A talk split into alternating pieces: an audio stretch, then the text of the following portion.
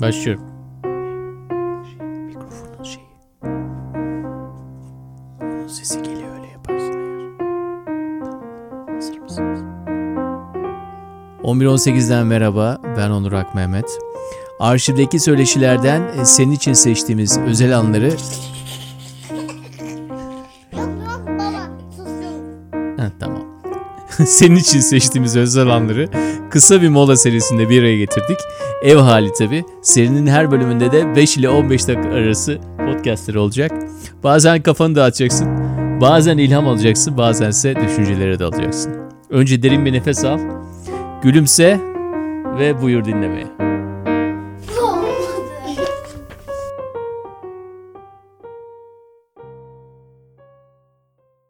Peki büyürken e, hani aile içerisinde komedi var mıydı yani biraz hafif? e, O trajedi vardı ben komediye çektim diyelim yani biraz.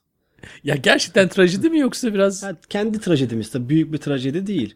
Ama yani biraz herkesin sonuçta bazı zorluklarla bir baş etme yolu var. Yani ben de şakaya vurarak baş etmeyi seçtim. İşte ben ilk hatta Koç Üniversitesi'nde hani bu dedim hani bir gösterileri yapayım. Hazır sahne var. Kullanabiliyorsun falan. Kendi kendime hazırlandım. Kimseye de haber vermedim.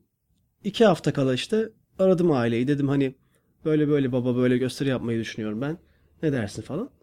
Direkt ilk tepki sen komik değilsin ki. Yani Zaten hani ben komik değilim. Hani siz komiktiniz ben onu anlatacağım sahnede. Dedim gelir misin? İkinci sorusu da şey oldu hani bilet ne kadar? Fiyat kalite oranını merak ediyor yani. Sen komik değilsin acaba kaç liraya gider? Kaça kaça komik değilsin gibi mesela. Ve her gösteriden sonra arar. Hani insan sorar yani nasıl geçti gösteri işte nasıldı seyirci nasıldı falan. Hep sorduğu şey hasılat ne kadar. Hani sanki bölüşüyoruz ben de anlamadım. Öyle bir beklentisi oluyor olaydan. Hani çünkü şey modundalar biraz hani kendini rezil edeceksin okey ama ne kadar rezil edeceksin? Yani ne kadara değer? 500'e değmez. Hani 1000 tamam hadi bir, biraz edebilirsin. Böyle kafalarında bir terazi var.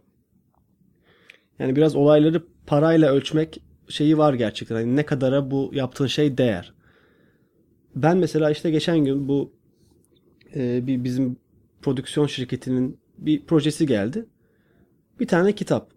E, oto, otobanda kaybolanlar. Fırat Uran'ın kitabı.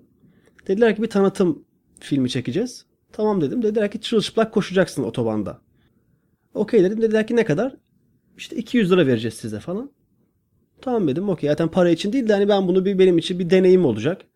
Bunun, bunun bir parçası olmak istiyorum dedim. Hangi Ay- otoban bu arada? Yani TEM mi? Otoban hani adı otobanda kaybolanlar da biz Sarıyer'de tepede bir yerde çektik. Tabii aileme söyledim böyle böyle bir şey yapacağım. İşte babam yine sordu ne kadara yapacaksın bunu? Dedim ki baba paranın bir önemi yok falan 200'e yapacağım dedim. Hani 200 dediler ben de okey dedim. 200 liraya soyunacağım onun 200 kafasına. liraya- Tabii öyle bir şey duyuyor. 200 liraya soyunacağım. Hani tam da arkadan çekiyor Allah'tan. Ön tarafta olsa bir 300 isterdim en azından. Dedi ki ben sana 300 vereyim sen koşma hiç. Yani hani buradan hani ölçüyor olayı. Benim oradan alacağım bir manevi tatmin falan önemsiz yani. 200 liraya koşuyorsun ben 300 verirsem en azından koşmazsın herhalde. 100 daha fazla kazanacaksın. Yani öyle bir ölçme değer şeyi var yani onların. Ve ben hiç o kafada olmadığım için de yani entegre olamıyorum fazla. Bir stand-up gösterisi her haliyle sekse benzer. Şöyle, bir gösteri her zaman ön sevişmeyle başlar. Çünkü yani böyle ortamı hazırlaman lazım. Ne bileyim biraz sulandırman lazım. Öyle bir anda şakaya girersen olmaz. Acır. O yüzden böyle bir süreç izleyeceğiz. Aynı zamanda bir stand-up gösterisi böyle hani inişli çıkışlıdır. Böyle hani durağan olarak gitmez. Yani çok sevdiğin anlar olur. Bu şaka sürsün falan dersin. Sevmediğin anlar olur. Ne bileyim oturduğun pozisyondan rahatsızsındır falan bu geçsin dersin. Bu da öyle bir gösteri olacak.